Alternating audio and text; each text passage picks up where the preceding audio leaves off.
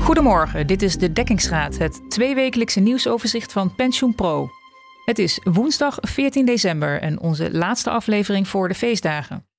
Ik ben Ilse Akkermans. Verschillende pensioenfondsen kunnen de pensioenen van hun deelnemers met niet meer dan 3% verhogen, ondanks een relatief hoge dekkingsgraad. Dat komt omdat ze de pensioenverhogingen niet koppelen aan een loon- of prijsindex. Verlaging dreigt in 2023 voor de pensioenen van deelnemers aan sommige pensioenfondsen, nu de pensioenwet met een half jaar is uitgesteld. Het gaat onder meer om de fondsen banden en wielen, kappers en levensmiddelen. Nu de Tweede Kamer artikelsgewijs over de nieuwe pensioenwet heeft gedebatteerd, komt het plenaire afrondende debat over de wet toekomstpensioenen eraan. Eén heet hangijzer speelt erin de hoofdrol. Met mij in de studio zijn vandaag Chibbe Hoekstra, Samir van Alfen en Frank van Alfen. Allemaal redacteur van Pensioen Pro. Welkom. Hallo. Hoi. Chibbe, ja, aan jou de eer om af te trappen vandaag. Ondanks een relatief hoge dekkingsgraad kunnen verschillende pensioenfondsen niet meer dan 3% indexeren. Dat bleek uit een inventarisatie van jou onder een aantal fondsen. Ehm, dat heeft ermee te maken dat de hoogte van hun indexaties niet gekoppeld is aan een loon- of prijsindex. Hoe bepalen deze fondsen wel hun indexaties?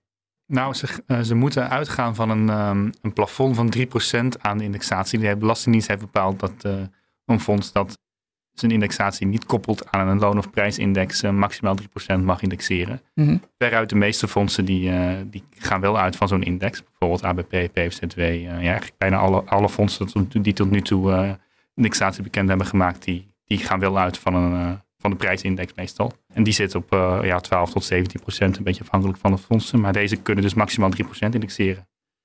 Ja, want sommige fondsen hebben een fondsreglement dus anders ingericht. Om, om welke fondsen gaat dat bijvoorbeeld? Het gaat onder meer om de fondsen voor openbare apothekers, uh, voor PGB, mm -hmm. uh, voor loskundigen, fysiotherapeuten. Onder meer uh, ja, openbare apothekers, ja, die heeft de pensioenen met maar anderhalf procent verhoogd. Terwijl ze een dekkingsgraad hebben boven de 120 procent. Dus ze hadden in theorie met veel meer kunnen verhogen. Alleen hun uh, pensioenreglement schrijft voor dat uh, maximaal anderhalf procent indexatie uh, mogelijk is. Met daar bovenop nog extra anderhalf procent voor, voor actieven en slapers. Ja. Maar gepensioneerden kunnen ze maximaal ander, anderhalf procent krijgen. Ja, want gezien hun dekkingsschade is er wel genoeg geld om meer te kunnen indexeren. Wringt dat niet bij deze fondsen, gezien ook de hoge inflatiecijfers en de verhogingen die andere fondsen aankondigden? PGB, die heb ik inderdaad daarna gevraagd. Die hebben ook een dekkingsgraad van 120,8% eind oktober. Mm -hmm. En in principe dus geldt genoeg voor een flink, flinke indexatie. Ja, voorzitter Jochem Dijkmeester, die zit er wel mee in zijn maag, zei hij tegen me. En het fonds overweegt dus serieus een terugkeer naar de consumentenprijsindex. Yeah. FNV die, die wil dat ook. Die zeggen dat het, uh, de situatie schreeuwt om een aanpassing. Want ja, bij een, bij een inflatie van uh, 17%, maar 3% indexeren, ja, dat uh, zeker voor gepensioneerden een hard gelach natuurlijk. Zeker als het pensioenfonds het eigenlijk best kan betalen. ABP met een vergelijkbare dekkingsgraad geeft gewoon 12%. Ja. Dus dat is een heel groot verschil. Uh, ze nemen waarschijnlijk deze week een besluit erover. Dankjewel, Chibbe. Nu de pensioenwet met een half jaar is uitgesteld, dreigt voor de pensioenen van deelnemers aan sommige pensioenfondsen in 2023 verlaging. Het gaat onder meer om de fondsen banden en wielen, kappers en levensmiddelen. Samir, je hebt geschreven over het kortingsspook dat opdoemt bij deze fondsen. Klopt. Dat heeft te maken met het financieel toetsingskader, begrijp ik. Hoe zit dat precies? Ja, waar heel veel fondsen op dit moment aan het vergaderen zijn van hoeveel indexatie gaan we komende jaar geven aan onze deelnemers. Mm. Is er ook een aantal fondsen die dus nog met kortingszorgen uh, te maken heeft. Mm. Dat zijn fondsen die toch ook ondanks de stijgende rente nog een behoorlijk lage dekkingsgraad hebben. Ja. En die fondsen dachten dat ze veilig waren, want vanaf volgend jaar gaat het nieuwe transitie-FTK in. En dan hoef je ook pas te korten bij een dekkingsgraad lager dan 90 procent. Um, maar ja, die pensioenwet is een half jaar uitgesteld. En uh, ja, ook die versoepeling die eraan gekoppeld was, die, um, ja, die vervalt dan eigenlijk ook. Want die zou eigenlijk pas ja, tot eind dit jaar lopen. En om die nog een keer te verlengen zou uh, ja, die nieuwe transitie-FTK zou moeten ingaan. Um, de wet is uitgesteld, dus uh, ja, er is eigenlijk nog een, uh, een nieuwe geste nodig van minister Schouten om deze fondsen toch weer opnieuw te redden. En welke fondsen lopen hier tegenaan? Nou, uh, rapporteurs in de Tweede Kamer hebben eigenlijk een soort inventarisatie gemaakt. En die kwamen op de volgende fondsen: banden en wielen, kappers, levensmiddelen, medewerkers, apotheken, vlakglas en flap. Mm -hmm. Dat is de vleesverwerkende industrie. Nou, ik heb zelf even gekeken en inderdaad bij banden en wielen, kappers, levensmiddelen en medewerkers, apotheken is de situatie echt urgent. Die hebben echt een lage dekkingsgraad. En ja, het is ook niet helemaal te verwachten dat dat uh, voor het einde van dit jaar uh, ja, nog hoog genoeg is. Zo rond die 105, 104 procent om een korting te voorkomen. Ja. Vlakglas en flap die zitten er eigenlijk wel um, beter voor. Want ja, als je kijkt naar een actuele dekkingsgraad, dus echt de dekkingsgraad die ze op dit moment hebben, dan zit hij al ver boven 105 procent. Hm. En als dat het geval is, dan hoef je eigenlijk niet, uh, niet te korten. Ja. Hoeveel deelnemers hebben deze fondsen ongeveer? Ja, het loopt ergens in de honderdduizenden. Het zit niet een heel groot fonds bij als ABP of zorg en welzijn. Maar ja, goed, ja, het gaat toch om een paar honderdduizend uh, mensen, waaronder ook best wel veel gepensioneerden. Ja. Uh, dus voor hen is het natuurlijk best wel uh, ja, lastig dat, om, om ook voor die fonds, om die boodschap nu nog één keer nog te moeten brengen van helaas, uw pensioen wordt mogelijk gekort volgend jaar. Ja, het was ook een van de, van de kritieken van deze fondsen, meen ik. Er werd gezegd, waar het gaat om niet heel veel deelnemers. Ja, klopt ja. Um, minister Schouten zei van ja, en vorige keer hebben we het verlengd omdat de economische omstandigheden zwaar waren, onder andere vanwege corona. Mm Dan was het ook wel erg zuur om mensen er ook nog een korting voor te schotelen. Uh, nu zeggen ze van ja, die economische omstandigheden zijn nog steeds zwaar. En met de energiecrisis is het allemaal niet makkelijker op geworden. Maar tegelijkertijd zeggen ze ja, het gaat eigenlijk maar om zo weinig mensen. Dus ja, moet je daarvoor dan nog een keer die maatregel gaan verlengen. Ja, een van die fondsen, waaronder Kappers, die zegt dat vinden we eigenlijk absurd. Uh, zeker omdat als we nu gaan korten, dan wordt onze dekkingsgraad hoger. Ja krijgen een extra buffer. Maar die kunnen we dan, als we overgaan naar het nieuwe stelsel, kunnen we die weer opnieuw uitdelen. Dus per saldo verandert er aan de pensioenen van de mensen niets. Terwijl we wel extra kosten moeten maken in de communicatie, administratief, om die hele kortingsoperatie uh, door te voeren. Dus uh, ja, die willen eigenlijk toch. Uh, die fondsen hebben zich een beetje verenigd, ook al in de brief naar de minister, waarin ze haar toch ja, nadrukkelijk oproepen om die maatregel nog een half jaar te verlengen, zodat ze niet hoeven te korten volgend jaar. Ja. Eh, eh Samir, eh, begrijp ik ook goed dat het om hele kleine kortingen gaat. Dus in die zin ook dat je. Ja, daar, klopt. hebben ja. het over? Ja, de meeste, de meeste fondsen die zitten ja, nou ja, wel net boven de 100 procent. Omtrent. Dus het gaat om een korting van uh, nou ja, maximaal 5 procent. Waarbij je ook die nog kan uitsmeren over een aantal jaren. Um, en daar verschillen de fondsen heel erg in. En bijvoorbeeld de Kappersfonds zegt van nou ja, misschien als wij 3% moeten korten, dan gaan we die korting toch maar in één keer nemen en niet uitsmeren. Het gaat niet om tientallen procenten. Uh, ja, ik denk hooguit uh, tot, tot een 5 procentpunt uh, korten. De fondsen willen dus dat de minister ingrijpt. Wat willen ze dat de minister doet? Nou ja, die hadden liever gisteren al gehoord dat ze die maatregel nog een keertje verlengt. maar die minister die, ja, die, die speelt een beetje hard to get. Die verwijst ook met name naar de Tweede Kamer. En die zegt van ja, ja eerst moet de Tweede Kamer maar eens instemmen met deze wet. Maak een beetje op uit haar woorden. Pas daarna kunnen we gaan kijken of er nog uh, uitstelmogelijkheden zijn van kortingen. Maar ik heb het idee dat ze nu al die uitstelmaatregel toezeggen. Terwijl ze nog niet zeker weten of de wet door de Kamer gaat. Ja, dat ze dat niet echt de juiste volgorde vindt. Dus ja, um, ja iedereen wacht een beetje op elkaar. Ja, maar voor de fondsen dringt de tijd. Ja, klopt. Want ja, die moeten toch ook uh, heel snel gaan aankondigen. Als op 31 december hun dekkingsgraad onvoldoende is. Dan moeten ze ook naar hun deelnemers communiceren dat er gekort moet gaan worden.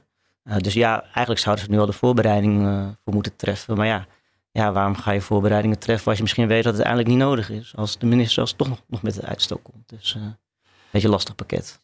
Dankjewel, Samir. De Tweede Kamer heeft inmiddels artikel voor artikel over de nieuwe pensioenwet gedebatteerd. Donderdag volgt het plenaire afrondende debat over de wet toekomstpensioenen. Ja, Frank, het blijft nog even spannend rond de nieuwe pensioenwet.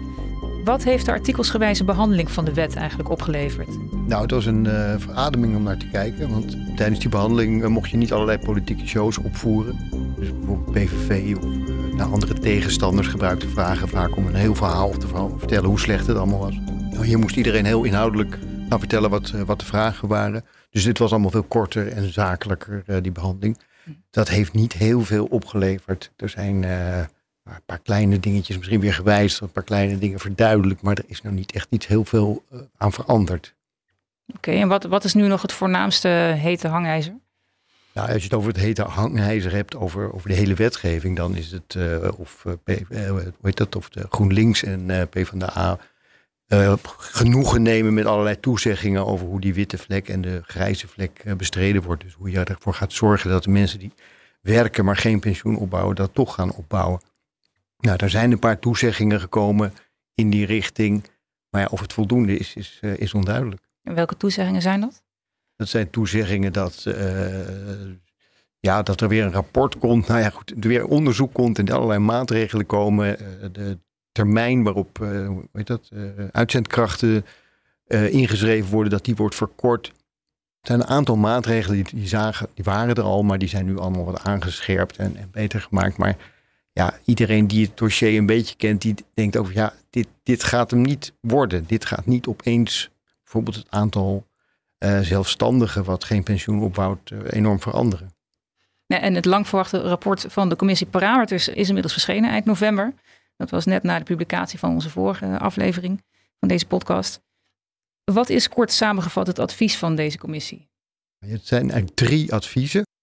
En laten we het voor, uh, voor de eenvoud er twee uitpakken. Het ene gaat over de parameters. Dat zijn cijfers waar pensioenfondsen mee moeten rekenen op lange termijn.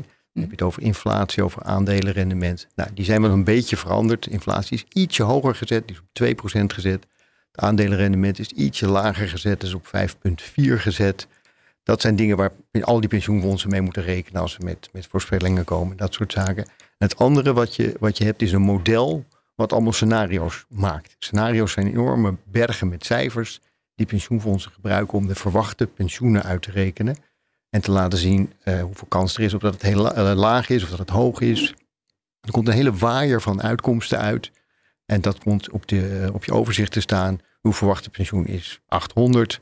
In een goed weerscenario is het uh, eh, 950 en in een slecht uh, weerscenario is het ja, 100, 100 euro minder, zoiets dergelijks.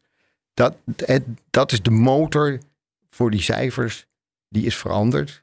En de, de reden was, een van de redenen was dat er heel veel kritiek was op die cijfers, want er stonden geen hele hoge inflatiecijfers in.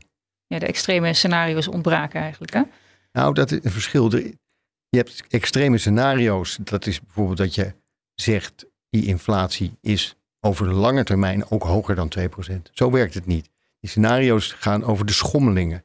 Dus straks is de inflatie misschien wel 15%, maar daarna gaat hij weer terug naar 2%. Dus dat is niet zo'n heel extreem scenario. Daar zit wel een uitschieter in. Uitschieters komen wel voor in het nieuwe scenario set. Maar er komen geen hele extreme scenario's in voor waarin bijvoorbeeld op lange termijn de inflatie 3% is. Want dat, dat doet het model niet. Ja, er was ook kritiek op het rapport. Hè. Voormalig pensioenbestuurder Adrie van der Wurf eh, schreef een opiniestuk op de website van PensioenPro. Waar is hij bang voor? De voornaamste kritiek, eh, niet alleen van hem, maar ook van uh, Jean Vrijns en uh, Jelle Mensolides, is dat het grote probleem van een kapitaalgedekt stelsel is een hoge inflatie. Om daarin mee om te gaan. Nou, als je al die je hebt tienduizenden scenario's met allemaal cijfertjes erin. Maar een scenario waarin die inflatie heel hoog is en aanhoudend heel hoog is, zit er niet tussen. En ze zeggen ja, dat is nou eigenlijk wat je zou willen weten. Hoe pakt het systeem uit als die inflatie heel hoog is? Adrie van der Wurf zegt ja, het heeft te maken met dat er een normale verdeling wordt gebruikt bij die cijfers. Dus je hebt 2% en alles zit daar een beetje omheen. Maar je zou ook een wat andere verdeling kunnen nemen, die wat, ja, wat in, in die termen dan dikkere staarten heeft. Dus met veel meer extreme eh, situaties erin. En als je dat zou gebruiken, zou je misschien een beter beeld krijgen van de risico's. Dat, die kritiek blijft doorklinken ook bij deze nieuwe uh, uh, parameters. En is er nu nog wat aan te doen aan die parameters? Nou, die, die, die cijfers zijn nu net allemaal doorgerekend door de Nederlandse bank. Hè, om te kijken wat het verschil is met het vorige. Nou, er is eigenlijk geen verschil. Het beeld is gewoon hetzelfde. Het nieuwe systeem pakt, als je deze cijfers gebruikt, beter uit dan het huidige stelsel. De, dat komt uiteindelijk doordat je gewoon de buffers kunt uitdelen. Dus ja, daardoor eh, pakt het beter uit. En ik zie niet, eh, ja, er zijn geen stemmen of krachten die er gaan voor zorgen dat dat, uh, dat, dat anders gaat worden. Dit worden gewoon de cijfers en, en dit worden de rekenmodellen. En wat ligt er nu nog in het verschiet voor de nieuwe pensioenwet? donderdag een plenaire behandeling. Nou, die kan nog uitgesteld worden. Ja, en het hele idee is dat ze voor kerstmis moeten gaan stemmen. En dat zou bijvoorbeeld heel leuk zijn voor die pensioenfondsen die, uh, die kortingen, uh, tegen die kortingen aankijken. Dankjewel, Frank van Alphen. Dit was de dekkingsraad van PensioenPro met de laatste ontwikkelingen in de Nederlandse pensioen- en beleggingssector. Op pensioenpro.nl lees je meer. Dit was onze laatste aflevering voor de kerstperiode. Op woensdag 11 januari zijn we weer terug. Fijn dat je luisterde. We wensen je alvast fijne feestdagen en tot in het nieuwe jaar.